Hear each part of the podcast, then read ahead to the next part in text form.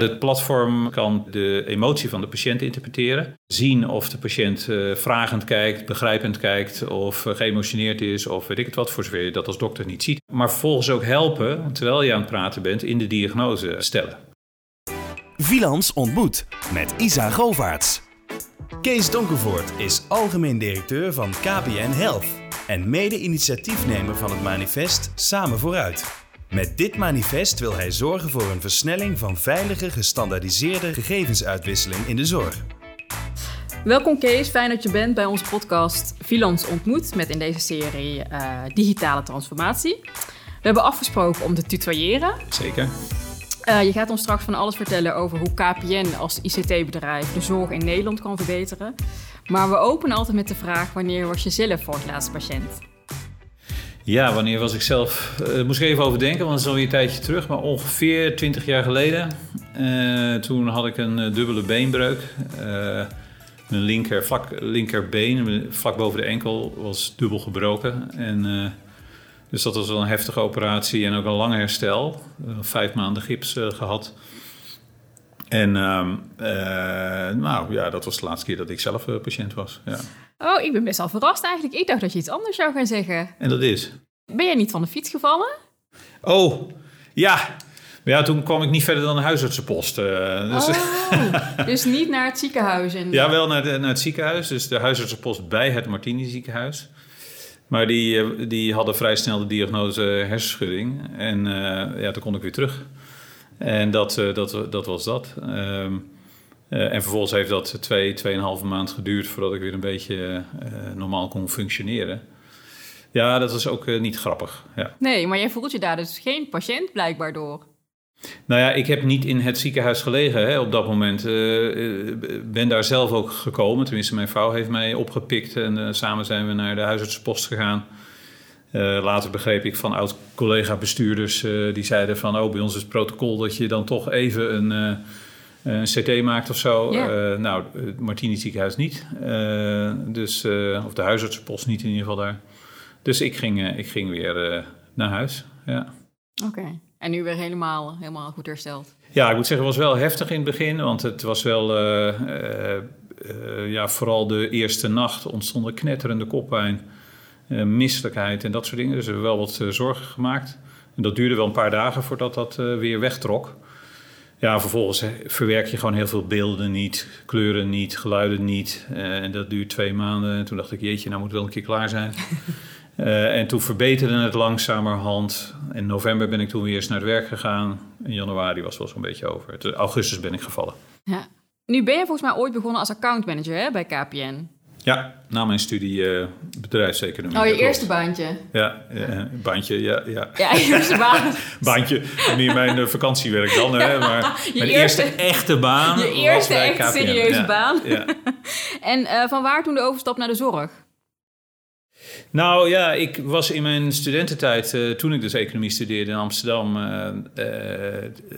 toen ben ik gestart ooit met een stichting die kampen voor kinderen met kanker organiseerde. Eh, zeilkampen, later ook uh, skikampen, uh, dagtochten en dat soort dingen. Toen was ik dus al wat in aanraking gekomen met de zorg. Ik heb dat na mijn studie doorgezet in raden van toezichtfuncties. ik ben betrokken geweest bij de European Special Olympics in Groningen voor mensen met een verstandelijk handicap. dus allerlei functies gehad naast mijn werk. En toen ik mijn eigen bedrijf gestopt was, of ik was gestopt met mijn eigen bedrijf, ben daar uitgestapt, energiebedrijf.com, wat later Oxio werd. Ehm, toen uh, dacht ik, nou, ik wil eigenlijk alles wat ik nu qua kennis en ervaring heb opgedaan in het bedrijfsleven wel inzetten voor de zorg. Alleen ik wist natuurlijk niet waar ik moest beginnen. Uh, en uh, nou ja, mijn eerste baan in de zorg was, uh, was directeur van een streeklab in Groningen. Daar stond toevallig een advertentie in de krant in die tijd. Dat was in 2002. En uh, ik wist niet wat een streeklab deed, maar het klonk als zorg. Dus ik denk, nou, bel eens. Uh, nou ja, vervolgens ben ik directeur geworden, voorzitter raad van bestuur. En zo is het begonnen toen. En toen is er in 2017 toch uh, ja, de overstap teruggegaan naar KPN, hè? Ja, dat is wel grappig dat je het zo formuleert. Want het voelde bij mij niet echt als teruggaan naar KPN. ik werd gevraagd, zoals dat dan gaat via een headhunter, of ik belangstelling had om de, een, een, een, nieuwe afdeling bij KPN, de, daarvan aan de digitalisering van de zorg voor KPN vorm en inhoud te geven. Um, en na een aantal hele goede gesprekken, waaronder toenmalig topman uh, Blok, uh, toen heb ik gewoon die stap gemaakt. Ik was op dat moment al 15 jaar bestuurder in verschillende functies in de curatieve zorg. En we waren in Leeuwarden ook al wat druk met de digital health, digitalisering van de zorg, de oprichting van een health campus. En um, toen ik daarvoor gevraagd werd, toen dacht ik, nou ja, no guts and glory, laat ik het proberen. En nou, sindsdien bij eh, KPN. Dit is Vilans Ontmoet met KPN Health Directeur Kees Donkervoort. En moest jij een beetje zorgen dat de zorg weer in de genen van KPN kwam? Oh, dat is wel een hele grote taak. Uh, nee, nee, dat, eh, dat was het niet. Het was meer het, het ja, detecteren van uh, het onderzoeken van wat zijn de mogelijkheden van KPN in die uh, digitalisering van de zorg. Er gebeurt natuurlijk onvoorstelbaar veel op dat vlak. Het is ook een heel ingewikkeld speelveld. En zij wilde heel graag iemand vanuit de zorg hebben om de taal te leren spreken van de zorg. Hè, dus dat dan wel. Maar dat gaat vooral over de groep mensen die met zorg bezig is binnen KPN. Dat zijn ja, natuurlijk veel commerciële mensen. Um, maar dat zijn ook business development-achtige mensen. Ja. En wat maakt het zo'n lastig speelveld? Nou ja, als je kijkt naar ja, het speelveld zelf, uh, de digitalisering, dan is dat groot, breed en divers. Uh, het gaat aan de ene kant over hoe krijg je nou medische gegevens van de ene partij naar de andere partij op een goede, veilige manier. er zijn ongelooflijk veel applicaties, softwarepakketten beschikbaar voor die digitalisering van de zorg. echt 100, 150 partijen die zich daarop begeven. Misschien is dat nog een onderschatting. En iedereen heeft zijn eigen standaarden, systemen enzovoorts. Het koppelt niet goed genoeg enzovoorts. Met als uitkomst, zoals we allemaal weten, dat we het nog steeds niet voor elkaar krijgen. Om, uh, om heel makkelijk uh, medische dossiers van het zuiden van het land bijvoorbeeld naar het noorden te krijgen. Anders dan uitgeprint of op een dvd gezet. Ja. En ehm, voor de burger is het ook niet makkelijk hè, om in zijn eigen PGO eens te zien hoe het staat met mijn gegevens. Nee, maar dat moet nu, hè, deze maand, volgende maand, moet dat allemaal wel een beetje gerealiseerd zijn. Maar ook daar zie je dan dat het best ingewikkeld is. En als je al in je dossier kan kijken, wat zie je dan eigenlijk? Ah, ik heb er net in gekeken, vrijwel, vrij weinig, zag ik. Zag je vrij weinig gegevens? Of vrij weinig gegevens. Oké, nou ja, dat kan een gunstig teken zijn misschien. Maar, maar kijk, als je naar een CT kijkt, eh, als die in jouw medische gegevens zit, dan is de vraag wat je allemaal kan zien. Of als je een labuitslag bekijkt, dat je denkt, goh, snap ik nou precies wat, wat daar staat? Wat de meerwaarde is eigenlijk. Voor ja, dus waar je ook behoefte aan hebt, is een referentie van... Ja, duiding hè, bij die gegevens. Juist. En daar zijn we natuurlijk allemaal niet aan toe. Dus het klinkt wel mooi, maar vervolgens, nou ja... En dan kun je het wel inkijken soms. Hè? Dus je kan bij je huisarts straks je gegevens inkijken. In heel veel ziekenhuizen kan dat al. Maar kun je die gegevens nou ook naar je toe halen en bijvoorbeeld delen met anderen? Dat is vaak ook nog niet zo makkelijk. Uh, dus nou ja, zo, zitten er heel veel vraagstukken nog die nog niet opgelost uh, zijn. Onder andere is, is dat voor mij ook een reden geweest om met de taskforce gegevensuitwisseling in de zorg te starten. Waar nu 70 ICT-bedrijven in de zorg uh, bij betrokken zijn. En samen proberen wij tot een versnelling te komen van dit ja, van, van alles wat mogelijk is op het gebied van gegevensuitwisseling in de zorg. Ja, precies. Want als we daarnaar kijken, hè, nu uh, per juli 2020 is het wettelijk verplicht hè, om patiënten elektronisch inzicht uh, te geven. Wat lost dat nu op voor de klant? Want je zegt, nou ja, die duiding mist, maar wat heb ik daar nu wel aan eigenlijk? Nou ja, het is natuurlijk, uh, het zou kunnen zijn een stuk bewustwording bij ons allemaal dat die medische gegevens natuurlijk niet van de dokter zijn, niet van de huisarts, of de medisch specialist of het ziekenhuis, maar die zijn echt van jou en mij, van ons allemaal. Dus dat is al een hele grote sprong dat dat überhaupt kan. Alleen vervolgens wat, wat we net zeiden, van als je erin kijkt en je ziet eigenlijk niet zoveel, uh, je kan het niet begrijpen wat daar staat. Uh, je kan het ook niet delen met anderen. Uh, ja, dan, wordt het, dan is het eigenlijk een, een, beetje een wassen neus, zou je kunnen zeggen. Dus er moet nog veel doorontwikkeling plaatsvinden om te zorgen dat je er echt iets mee kan. Ja. je wil die gegevens eigenlijk allemaal naar je toe halen, in jouw PGO zetten, dus je eigen elektronisch dossier, wat je thuis kan openen en beheren. En vervolgens ook sturen naar dokters of, of hulpverleners die dat nodig zouden hebben. Een beetje op zo'n manier. Ja, nou ja, het is op zich wel grappig, want mijn huisarts die had dus iets in mijn dossier gezet. Dat was doorgestuurd naar mijn revalidatiearts. En die vroeg mij daarna, die vroeg naar een gegeven uit mijn dossier en zei: God, hoe staat het daarmee? Toen zei ik: Oh, dat heb ik helemaal niet. Ja, maar je huisarts heeft het wel genoteerd. En toen dacht ik, kijk, dan was het fijn geweest als ik die gegevens direct van mijn huisarts had in kunnen zien en hem had kunnen bellen en zeggen: Goh, er staat iets heel geks in mijn dossier. In plaats van dat ik via de volgende specialist hoor. Van, oh, je, staat dat in mijn dossier? Je raakt ook, je raakt ook aan iets anders en dat, is, uh, dat heeft te maken met, uh, met uh, consent. Um, en um, dat heeft te maken met: heb jij, heb jij um, toestemming gegeven om gegevens te delen met anderen? Uh, dat consent moet ook ergens worden opgeslagen. He, dus het kan zijn dat als er in jouw dossier iets zou staan over uh, een GGZ-bezoek of over hele vertrouwelijke medische uh, gegevens die je helemaal niet met wie dan ook wil delen, dan is dat jouw goed recht als patiënt. Maar dat moet je natuurlijk wel goed vastleggen. En als je dus al toestemming geeft om dat bepaalde gegevens door te sturen naar een andere hulpverlener, dan wil je graag daar een beperking op hebben. Ook daar zie je dat we nog een hele slag moeten maken. Logging is een andere, die ook gaat over dit dossier. Hè? Dus wie, wie, wie is bij jouw medische gegevens geweest eigenlijk?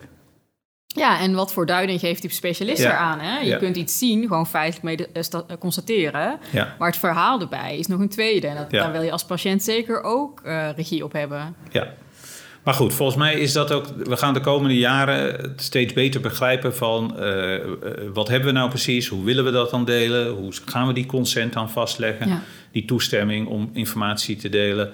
Logging, ik denk dat we dat allemaal wel belangrijk vinden. Van, uh, uh, hebben alleen de hulpverleners gekeken die het ook echt nodig hebben? Of was het nice to know uh, voor sommigen? wat niet een prettig idee is. Ja. Nou ja, daar moeten we allemaal nog hele slagen in maken. Ja, precies. Dit is Vilans Ontmoet met KPN Health-directeur Kees Donkervoort. En wat is nu een kernprobleem waar een ICT-bedrijf bij kan helpen? Wat, wat zie jij nou echt als jouw grootste missie, wat je zegt, dat kunnen wij als KPN, daar kunnen wij gewoon voor zorgen? Nou, dat zit misschien op een aantal, uh, aantal uh, vlakken. Uh, bij KPN, in mijn club, doen we een aantal dingen. dat heeft te maken soms met, met basisinfrastructuur. We hebben de grootste uh, netwerk, veilige netwerkstructuur van Nederland, e-zorg geheten. Er zijn 80% van de Nederlandse zorgaanbieders op aangesloten. Ehm, we zijn de grootste werkplekbeheerder in, in Nederland. dat doen we via CAM. Dus we hebben grote ziekenhuizen als klant waar we al het werkplekbeheer doen. Maar we hebben ook een aantal innovatieve trajecten lopen. we zijn betrokken bij de ontwikkeling van het digitale dokterplatform. Um, waarbij we kijken of we een platform naar Nederland kunnen halen samen met een aantal partijen in Nederland. Onder andere verzekeraar, maar ook de NPCF is aangesloten enzovoort. Om te kijken of we echt een, een AI-ondersteund, artificial intelligence ondersteund platform neer kunnen zetten. Uh, waar de huisarts op afstand uh, zorg kan gaan verlenen. Dus dat gaat veel verder dan wat er de laatste tijd in coronatijd gebeurd is. Hè. Dus dat een huisarts bijvoorbeeld wel een digitaal consult deed, maar dat was eigenlijk een soort FaceTime-achtig mm gesprek, wat natuurlijk heel prima is, uh, maar niet echt heel erg geavanceerd. Want eigenlijk wil die zo'n gesprek gelijk ook in het dossier krijgen, vertaald en wel gewoon met platte tekst.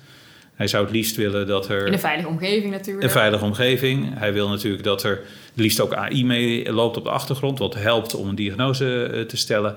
Ja, ga zo maar door. En wat, waar, zorgt de, waar zorgt de AI voor? Voor die gezichtsherkenning? Of waar zet je AI voor ja, in? Ja, het platform waar wij nu naar kijken... dat kan, terwijl je, de dokter dus in gesprek is met de patiënt... Eh, de emotie van de patiënt interpreteren... En laten zien of de patiënt uh, vragend kijkt, begrijpend kijkt of uh, geëmotioneerd is of weet ik het wat, voor zover je dat als dokter niet ziet. Hè, maar het is allemaal ondersteuning natuurlijk. Uh, maar vervolgens ook helpen, terwijl je aan het praten bent, in de diagnose uh, stellen. Dus de, de anamnese die gedaan wordt, volgens tot diagnose komen, nou dat, daar kan AI, kunnen AI-systemen ook bij helpen. Dat is een grote sprong als we dat zouden kunnen. En jullie zitten nu in een pilotfase. Waar zitten jullie? Uh, nee, we zijn nu aan het kijken met de partij die dat ook op al internationaal, uh, ook, ook nou, in heel veel landen in de wereld al aan het aanbieden is, om te kijken of we dat ook voor elkaar kunnen krijgen in Nederland. dat doen we dan met die partijen en met die Nederlandse partijen waar we het over hebben. Dat duurt echt nog wel even voordat het zover is, maar dat vind ik wel fantastisch als het ons lukt. En je vroeg even, wat is nou de rol van KPN uh, daarin, of KPN Health, mijn club, uh, ja, dat is toch om die partijen bij elkaar te brengen. Uh, we zijn natuurlijk een Nederlandse provider. we kennen heel veel partijen. en wij proberen die partijen bij elkaar te brengen om het nou, te laten gebeuren, zullen we zeggen. en ja, dat is enorm leuk om aan te werken. Het zou fantastisch zijn als het lukt en we daar een doorbraak in teweeg kunnen brengen natuurlijk. Ja, en dan zitten we in het hart van de zorg met ja, met een kernrol voor KPN. Ja. Hoe denk je nou dat zorgprofessionals naar KPN Health kijken? Uh, natuurlijk naar volle tevredenheid, denk ik. Uh, moet ik wel zeggen natuurlijk in dit interview. Maar zijn jullie dan vooral netwerkbeheerder of wat zijn jullie voor club? Ja, dat hangt er vanaf aan welke partij je het vraagt. Ik denk dat heel veel zorgaanbieders ons helemaal niet kennen als, als organisatie. Dat krijg ik ook wel eens terug. Wat doen jullie dan? Nou, dat herken ik ook. Hè. Dus wat ik zei, onder de labels e-zorg en KAM leveren wij diensten.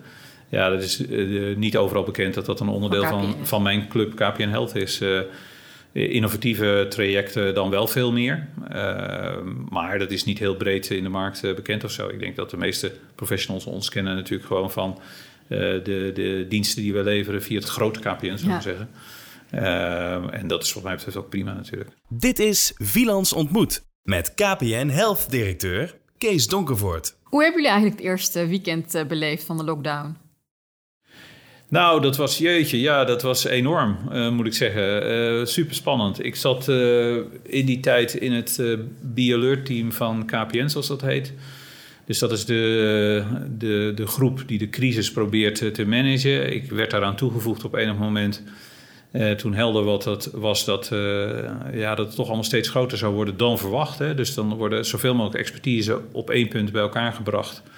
En dan ga je in dagelijkse calls of, of zoveel als nodig is met elkaar eh, in gesprek.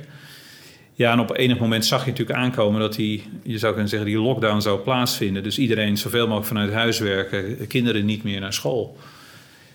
Ja, en op dat moment, wat, wat geldt dan voor KPN? Kunnen de netwerken dat aan? En ik kon het aan, hè?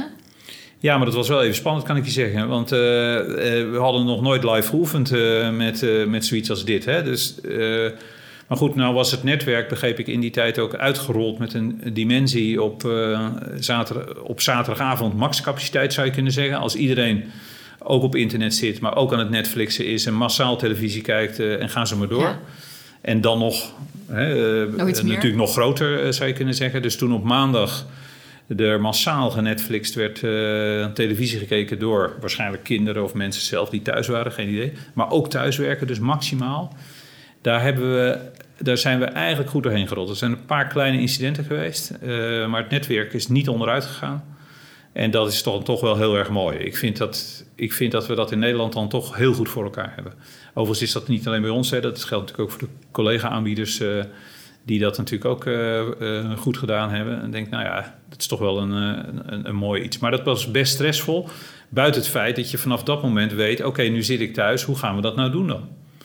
Dus nou ja, zoals heel veel andere mensen ook gedaan hebben, ja, dan doe je gewoon dagelijkse updates met je team. Wij werkten al in Microsoft Teams.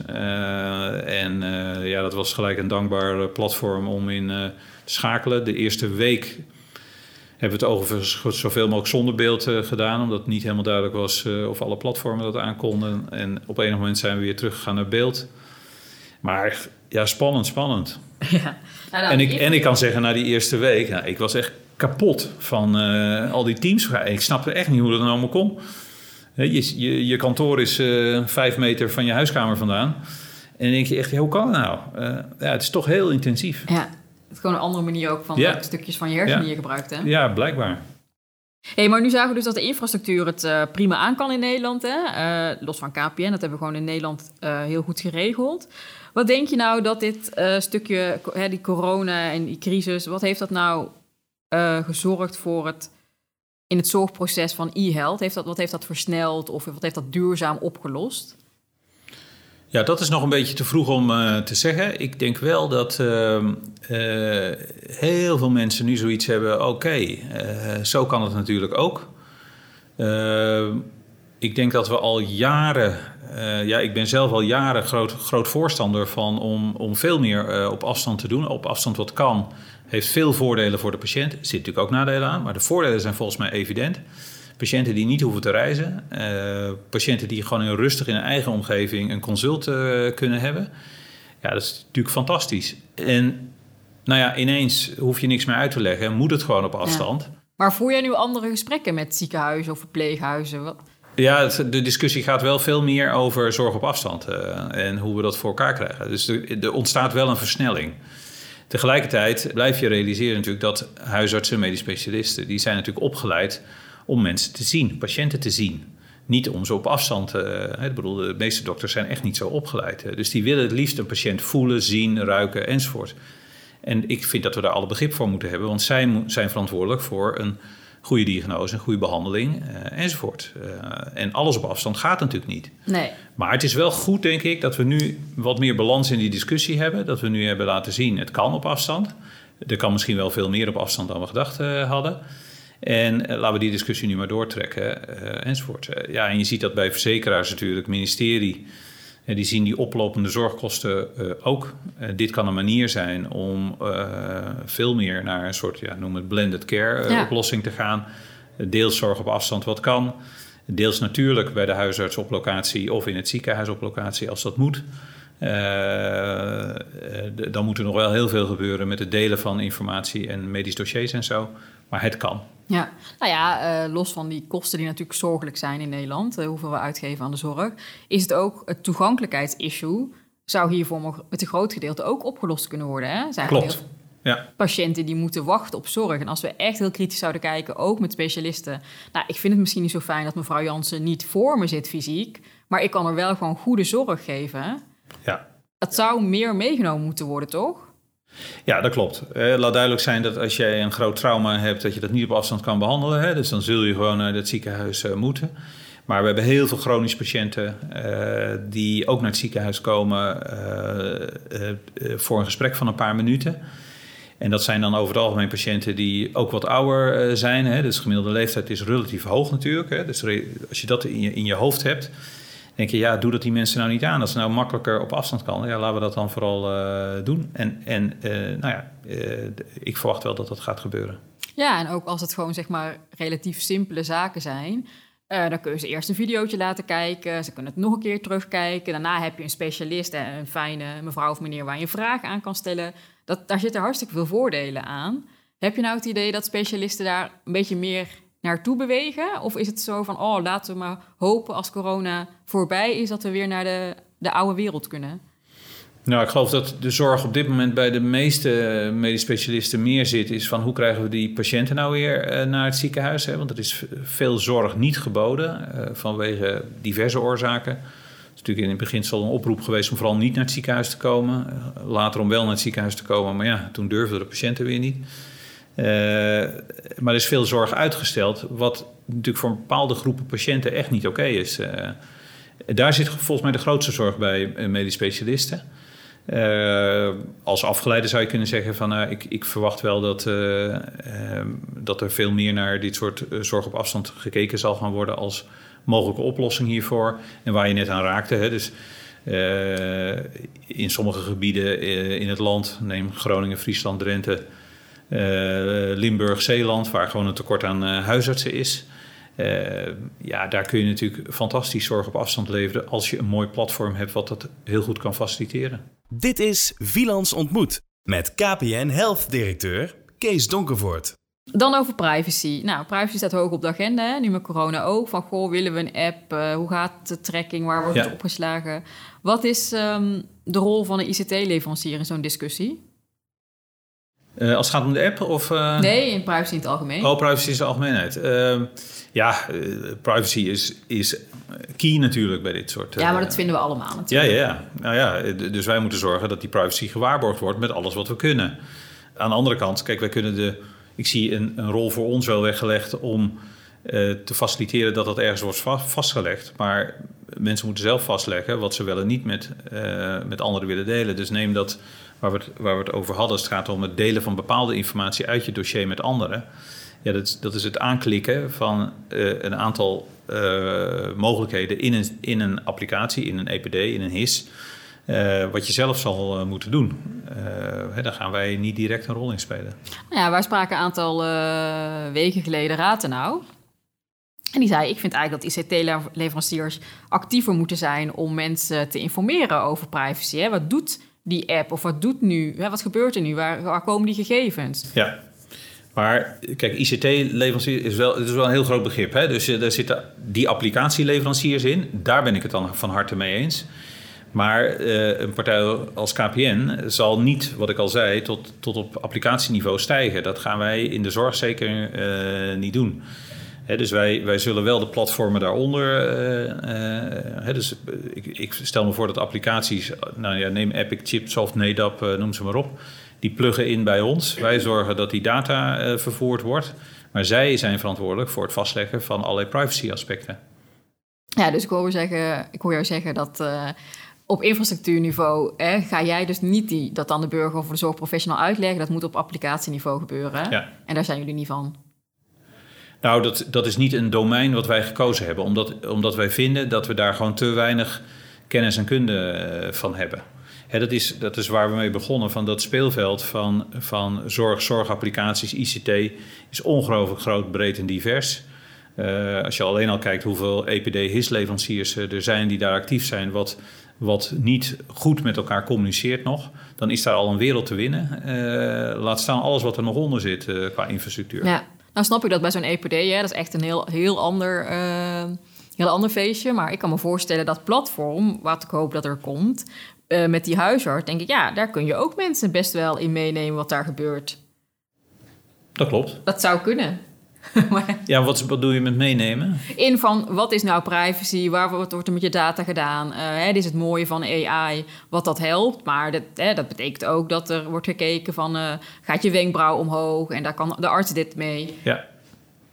Ja, nee, maar het klopt. Kijk, ja, goed privacy is natuurlijk gewoon een belangrijk aspect. Een bedrijf als KPN uh, weet natuurlijk als geen ander hoe je daarmee uh, om moet gaan. Uh, wij waren als een van de zeven partijen ook betrokken bij die ontwikkeling van die app. we hebben het ministerie ook meegegeven van een van de belangrijkste aspecten is adoptie van, van iedereen in Nederland voor zo'n app natuurlijk. En dat gaat onder andere over privacy. gaat een partij wel goed om met mijn gegevens? Nou, KPN eh, kan als geen ander eh, dat doen, want wij gaan om met miljoenen eh, ja, vertrouwelijke gegevens. Hè, dus alles wat je via je telefoon, als je een KPN-abonnement hebt, naar anderen stuurt, ja, daar weten wij wel hoe we daarmee om moeten gaan. Nou ja, en jullie zijn goed in klantcommunicatie. Zeker. Dus je zou kunnen zeggen, daar ligt een hartstikke mooie opdracht voor ons. Nou, dat vonden wij ook. alleen het ministerie heeft gekozen om het zelf te gaan ontwikkelen. Hè? Dus dat is, dat is hun goed recht natuurlijk. Ehm, maar wij wilden wel een bijdrage leveren om, uh, ja, eh, zie het als helpen, uh, omdat we natuurlijk in een behoorlijke crisis zitten. Dit is Vilans Ontmoet met KPN Health directeur Kees Donkervoort. Als we even overstapje maken naar inspiratie. Wat vind jij nou de meest inspirerende ontwikkeling op dit moment voor zorg thuis? Uh, ja, ik vind heel veel dingen uh, leuk en mooi en, en e-, echt interessant. Dus ik vind echt, echt dat we hele spannende tijden tegemoet uh, gaan. Ja, ja, die digitale dokter vind ik dus al heel erg spannend. Ik vind, ja, wij leveren ook smart sensoring-achtige oplossing. ja, vind ik ook een hele mooie toepassing. om ja, technologie, mensen, maar ook instellingen vooral te laten helpen om, uh, om mensen toch ruimte en vrijheid te geven en tegelijkertijd op afstand te kunnen monitoren. Uh, dat, uh, ja, dat, is ook, dat is ook een hele mooie technologie. Ehm, ja, en waar ik zelf, hè, waar we met z'n allen natuurlijk op, op hopen dat we op een gegeven moment doorbraken krijgen, zoals we dat in het dagelijks leven ook gewend zijn in andere branches. Dus denk aan de luchtvaart. Uh, misschien nu niet zo'n goed voorbeeld, omdat er niet meer zo gevlogen wordt. Maar uh, nou ja, neem, neem uh, als je een keer wat bestelt bij een of andere winkel, hoe makkelijk dat allemaal gaat, hoe, hoe goed je dat kan volgen. en dat het, Waar het echt iets toevoegt je Ja, seamless communicatie, zeg maar, tussen allerlei partijen. Je zou willen dat dat ook in de zorg het geval is. Dus als je. Ehm, dus waar wij naar streven, wat, wij proberen natuurlijk ook een visie te ontwikkelen bij KPN van goh, waar gaat het nou allemaal heen? Dan begint het natuurlijk bij uh, eerst preventie. Hè? Hoe, zorgen we voor, hoe voorkomen we nou überhaupt dat je ziek wordt? En als je ziek wordt, hoe zorg je dan dat je regie houdt? Want dat is, willen we allemaal. En hoe voorkomen we dat we ziek worden? Uh, ja, dat is om beter te begrijpen hoe je gezond kan blijven. Uh, soms is dat niet mogelijk, hè, omdat je een bepaalde chronische ziekte hebt ontwikkeld of omdat je iets erfelijks hebt. Dus dan, dan wordt het, natuurlijk van een andere orde. Maar er is nog veel onbekend als het gaat om bewegen, voeding en dat soort zaken. Daar zou je veel meer over kunnen delen met elkaar. Um, maar vervolgens, als je ziek wordt, wil je graag regie houden over je eigen ziekte. En je ziet nu dat we nog steeds, als je ziek wordt, ja, je komt in het domein van de zorg en de regie wordt overgenomen eigenlijk van jou. Terwijl je eigenlijk toch zelf graag regie zou willen houden en zelf meer keuzes zou willen maken. Maar probeer dat eens concreet te maken. Hoe ziet het nou uit dan voor jou? Nou ja, als je je ziek voelt, wat doe je dan? Vraag aan jou. Jij wordt op een nacht wakker en denkt, oeh, ik word wel echt wel goed beroerd. Uh. echt goed beroerd, hè? Echt, echt. Oh, en wat hebben we dan? Druk op de borst? Dat je echt denkt... Echt, nou, weet ik niet, maar je bent echt beroerd. In, ja, paniek, wat doe je dan? In paniek bel ik denk ik wel uh, de huisartsenpost. Als ik echt paniek voel... Ja. Ja, dan, ga ik naast, dan bel ik een specialist, denk ik. Een specialist. Nou, die krijg je niet in de telefoon, maar een huisarts in eerste instantie misschien wel. Hè? Of je zou de spoedeisende hulp kunnen bellen of, of wat dan ook.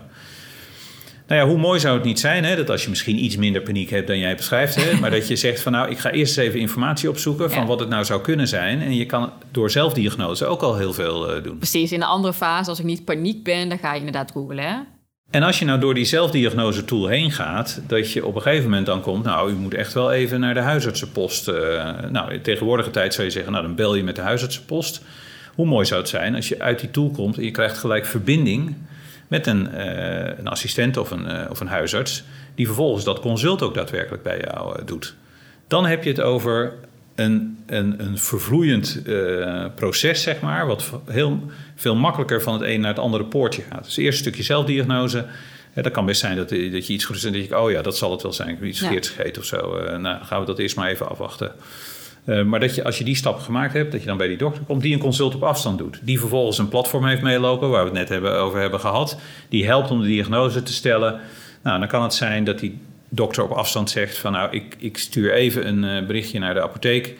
Uh, en als je wil, kan ik het bij jou thuis laten bezorgen. 24 uur per dag, 7 dagen per week. Hè? Dat zou fijn zijn. Hoef je er niet uit midden in de nacht. Nee. krijg je gewoon. En dan belt er na een uurtje iemand aan en die zegt: Ik ben van de apotheek, ik heb jouw pilletje. nou, hoe cool is dat? dus dat is snel opgelost. Dat soort ervaringen. En als het echt moet, is dat je dan naar het ziekenhuis gaat. Uh, dat de huisarts jou al helemaal heeft uh, ingeklaard, bij wijze van spreken, bij het ziekenhuis. De gegevens daar liggen, die allemaal bekend zijn ook. De, dat de Uber voor staat. Nou, dat, soort, dat soort zaken. Weet je, dat, is, dat klinkt allemaal nog heel ver weg. Maar dat is wel waar je eigenlijk naartoe zou Zeker. willen. maar het is toch wel een beetje een soort utopie. Hè? Wat is nou het eerste stapje waarvan je zegt: hé, hey, hier koppelen een paar dingen goed samen. Wat begint te lijken op die mooie reis die je nu eh, net beschrijft? Nou, je zegt het is een utopie. Ik kan je wel zeggen dat hier hardop over na wordt gedacht door een aantal partijen. Heel simpel, als je kijkt naar de, de website van thuisarts.nl, dan staat daar waanzinnig veel informatie op. Dat blijkt al dat dat voldoende is voor heel veel patiënten, omdat dat heeft geleid tot, een, uh, minder, tot minder huisartsenbezoek met iets van 17, 18 procent of iets dergelijks. Uh, dat is al enorm. Ja. Um, als je zo ook nog zo'n digitaal consult, zo'n digitale dokter achteraan zou kunnen plakken op de goede manier, uh, dan verwacht ik eerlijk gezegd, dat, en dat is niet heel ver weg, dan verwacht ik dat dat nog meer de druk gaat weghalen van fysieke bezoeken aan, aan huisartsen of ziekenhuizen. Ja. Maar er zit ook wel een beetje in dat je als één um, persoon dit allemaal kan inregelen. Kijk, als je nu zou zeggen, uh, ik ben de baas van Nederland, thuisarts.nl werkt best aardig. Hè? Ik vind dat ook best wel fijn werken voor de vragen die ik heb. En uh, ik kan daar meteen klikken, hey, ik wil een consult met mijn, uh, met mijn huisarts. Of je ziet, je komt ergens in een triagemodel uit van nou, Isa, jij moet gewoon eens met een huisarts bellen, want dit mag je niet meer zelf doen. Maar dat is natuurlijk niet in Nederland. We hebben 15.000 verschillende systemen waar je nu iets mee moet doen. Ik ben zelf tegen een boom aangereden, iets te hard. Ik heb letterlijk 15 artsen het verhaal opnieuw moeten vertellen. 15 keer consent, 15 keer allerlei formulieren moeten invullen. Dus die wereld die jij net schetst, die we allemaal willen, die voelt voor mij nog best een eindje weg. Zeker, uh, dat klopt. Tegelijkertijd, hè, als je kijkt naar de afgelopen, wat er afgelopen jaren is gebeurd, hè, dus toen ik bestuurder van eh, MCL was, hebben wij Epic ingevoerd, het grote EPD. Mm uh, door dat invoeren van het hele grote EPD, waardoor nou, wij werkten deels ook nog analoog met verouderde systemen, verzin het maar. voelde ik ineens van, ja, dit is toch wel heel erg cool eigenlijk uh, wat er nu gebeurt. En als je realiseert dat alle ziekenhuizen in Nederland door die slagen heen zijn gegaan, alles digitaal is, wat voor mogelijkheden biedt dat er wel niet op AI? Ik ben wel met je eens, we hebben nog een weg te gaan. Maar je ziet wel de eerste AI-bedrijven, ook in Nederland, nu uh, ontstaan. Hè? Dus of het nou PacMed is uh, ja. van Wouter Kroeze, of het is Health Plus van Bart Geerts. Weet je, er ontstaan nu nieuwe, toch wel nieuwe kansen. En soms lijkt het gewoon echt wel in, nou ja, heel ingewikkeld. Maar soms ben je gewoon echt verrast van wat voor fantastische resultaten zij boeken. En soms is het zo simpel eigenlijk als thuisarts.nl zou je kunnen zeggen. Dan denk je, god, waarom hebben we dat niet tien jaar eerder bedacht uh, met elkaar? Hè? Gewoon zoveel mogelijk platte, maar betrouwbare informatie uh, vanuit één groep op het internet. En vervolgens zakt het aantal huisartsbezoeken. ongelooflijk. Ja. Nou ja, volgens mij moeten we die, dat ook bij elkaar brengen. De kansen van digitalisering, de, de, de, oude wereld zeker niet vergeten. Goed blijven begrijpen wat dokters uh, doen en dan kunnen we gewoon heel ver komen. En zoals jij zegt, ja, we hebben nog wel een weg te gaan. Dit is Vilans Ontmoet met KPN Health directeur Kees Donkervoort. Wat voor slimme domotica heb je eigenlijk zelf in huis? Och, nou, eigenlijk helemaal niks. Oh. nee. Ja, ja. Nee, ik, uh, ja, sorry. Het is, uh, ja. Nee, nee, nee. Ik ben wel heel erg van alles digitaal inregelen. Maar, ja, uh, precies. nee, nee, nee. Ik moet je teleurstellen. Ja, ja. Wat is nou nog als laatste, zeg maar, wat zou je zorgaanbieders nog willen meegeven nu? Wat zeg jij van, denk daaraan of doe dit? Of wat voor laatste boodschap zou jij willen meegeven? Um, ja, ik, zou, ik, ik wens ons toe dat we de, de, de kansen van, eh, van digitalisering echt gaan, uh, gaan oppakken met elkaar. Uh, alle partijen, maar zeker ook de professionals. er zijn veel mogelijkheden en, en kansen. Dat we niet met de eerste beste oplossing die niet lukt zeggen, nou zie je wel. en dan weer terugvallen op het oude. dat heeft toch geen zin. Hè? Je, ehm, ja, je kan, je kan heel makkelijk. Het bekendste voorbeeld is natuurlijk bijvoorbeeld de iPhone. Hè? Hoe lang bestaat die iPhone nou eigenlijk als, of smartphone in zijn algemeenheid? En we zijn tien jaar verder en eigenlijk heeft iedereen er een en iedereen kent het gemak van dat ding. Je vervloekt hem ook wel eens, maar uh, het is toch vooral ook heel uh, gemakkelijk. En dat geldt voor zorg ook. We staan aan de vooravond gewoon van uh, toch wel grote slagen op het gebied van digitalisering van zorg, die het ons allemaal veel makkelijker gaat maken. Maar de weg daar naartoe is een hobbelige weg. Uh, met hard werken, frustratie, uh, te veel partijen, te veel systemen. Maar laten we volhouden, doorzetten en dan, uh, en dan komen we er wel. En dit is een oproep die doe ik ook in die taskforce gegevensuitwisseling in de zorg... aan die 70 ICT-partijen die daarin zijn opgeslagen. Ik moedig ze aan om de kennis en kunde die zij allemaal hebben... Hè, want dat zijn de partijen die op dagbasis die, die gegevensuitwisseling in de zorg verzorgen dat, dat zij die kennis en kunnen mobiliseren om het versneld nu voor elkaar te gaan krijgen. En dat we niet meer accepteren dat er een DVD op het bed van een patiënt van A naar B eh, gaat, maar dat we echt gaan zorgen dat binnen een paar jaar dat gewoon allemaal klaar is. En ik merk de motivatie daar maximaal is. Ik ben misschien nog zelfs wel verrast dat ik dat eigenlijk ook niet zelf eh, gedacht had dat dat zo eh, was. Maar ik vind daar ook gewoon heel veel intrinsiek gemotiveerde mensen. En als oud-bestuurder van, van een ziekenhuis mag ik dat dus wel zeggen, vind ik. Hè? Dus ik vond vooral dat er in de ziekenhuizen gemotiveerde mensen te vinden zijn, of in VVT-instellingen of anderszins. Maar je merkt dat ook gewoon dat, dat die intrinsiek gemotiveerde mensen bij de, in de ICT-wereld zitten. Nou, als we die handen veel meer in elkaar kunnen grijpen, nou, dan gaan we het goed doen, denk ik. Ja, en dan staat de Uber binnen no time voor je deur. Zo is het. Heel mooi. Nou ja, we sluiten altijd af met de vraag: wat is je favoriete plaat? Daar heb je even over kunnen nadenken. Uh, ja, ik moet zeggen dat ik van heel veel muziek, uh, verschillende soorten muziek uh, hou. Maar als ik een plaats zou moeten noemen, die ik nog steeds heel erg mooi vind, dan is het toch wel Sultans of Swing van de Dire Straits. Het was ooit een hele bekende band, de Dire Straits, zal ik maar zeggen. En mijn generatie die kent het zeker, ja. En wat, wat vind je er zo mooi aan? Of wanneer draai je dit? Ja, weet ik niet. Het is een beetje muziek uit mijn jeugd, dat is het meer. Ja, ja meer melancholisch eigenlijk. Ja, maar ja, dat uh, past misschien ook bij mijn leeftijd. Ik weet het niet. Ja, ja. Hm. Dankjewel uh, Kees voor dit gesprek. En uh, voor de luisteraars thuis, dank voor het luisteren en tot de volgende keer. Dankjewel. Dit was Vilans ontmoet met Isa Govaerts.